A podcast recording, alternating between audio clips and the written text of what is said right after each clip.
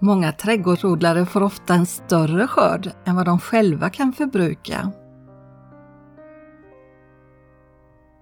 För en del känns det bra att ge bort frukt och grönsaker och blommor till vänner och bekanta. Någon sätter ut kassar med frukt på trottoarkanten så att vem som helst som går förbi kan ta med sig hem. Andra kokar sylt och marmelad och springer över med det till grannarna. Ja, det är mycket som händer i skördetider.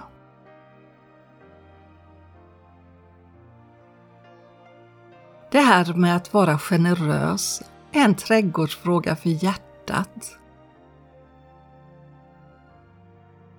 Det handlar inte om hur mycket vi har, utan vad vi gör med det som vi har fått.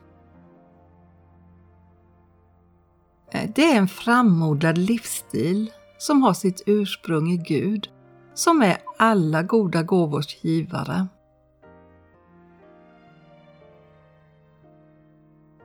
Det är bara att titta på solen och månen, bergen och dalarna, eller när skogen är full av vitsippor och fälten färgats gula i rapsens tid.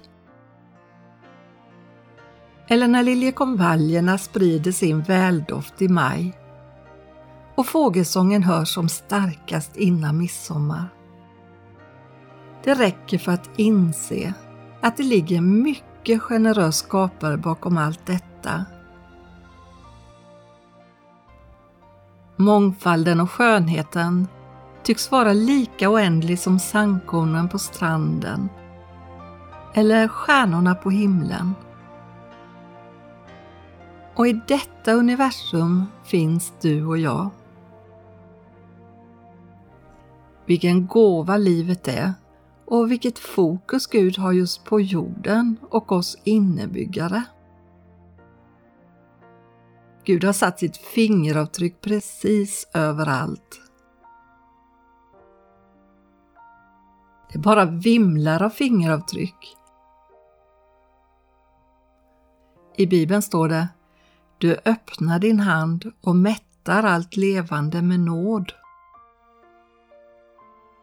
Och på ett annat ställe står det Allt har han gjort skönt i sin tid. Även evigheten har han lagt i människornas hjärtan. Ändå kan de inte förstå Guds verk från början till slut. Guds kärlek går långt bortom all kunskap i denna värld. Nej, vem har så mycket kunskap? Det finns en intelligent skapare bakom all materia, all information i varenda liten DNA-molekyl, all kärlek och skönhet.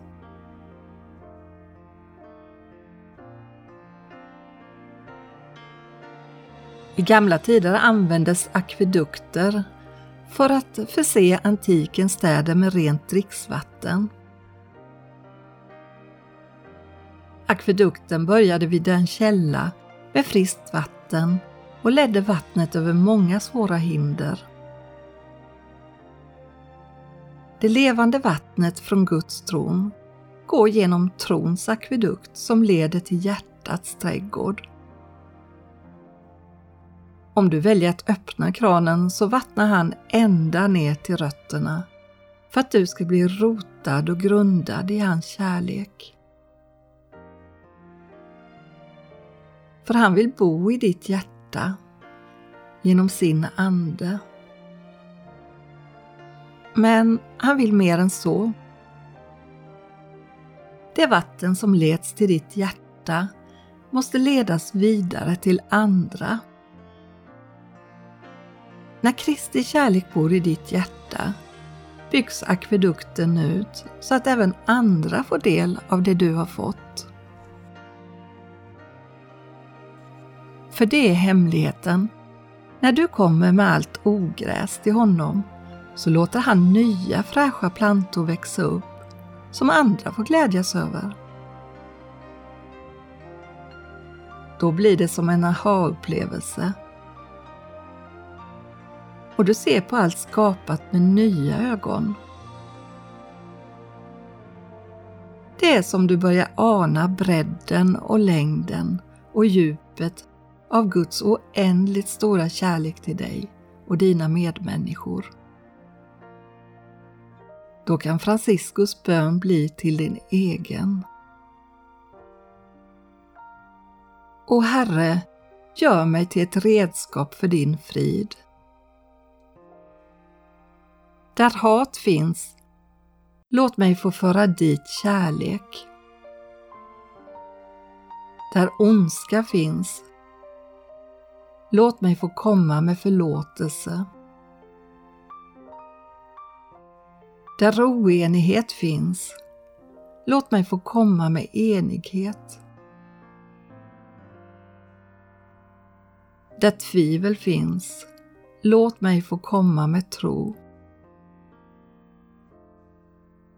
Där osanning finns, låt mig få komma med sanning. Där förtvivlan finns, låt mig få komma med hoppet. Där sorg finns, låt mig få komma med glädjen.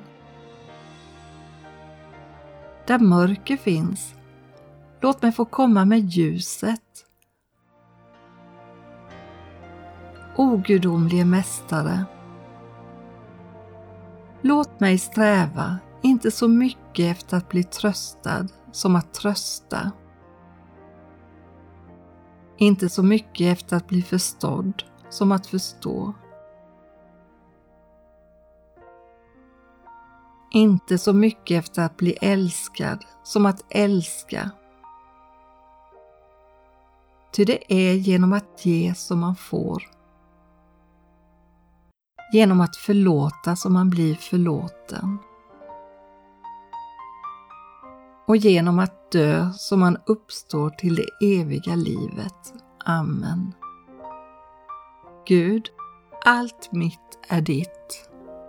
I have a friend who loves me as I am.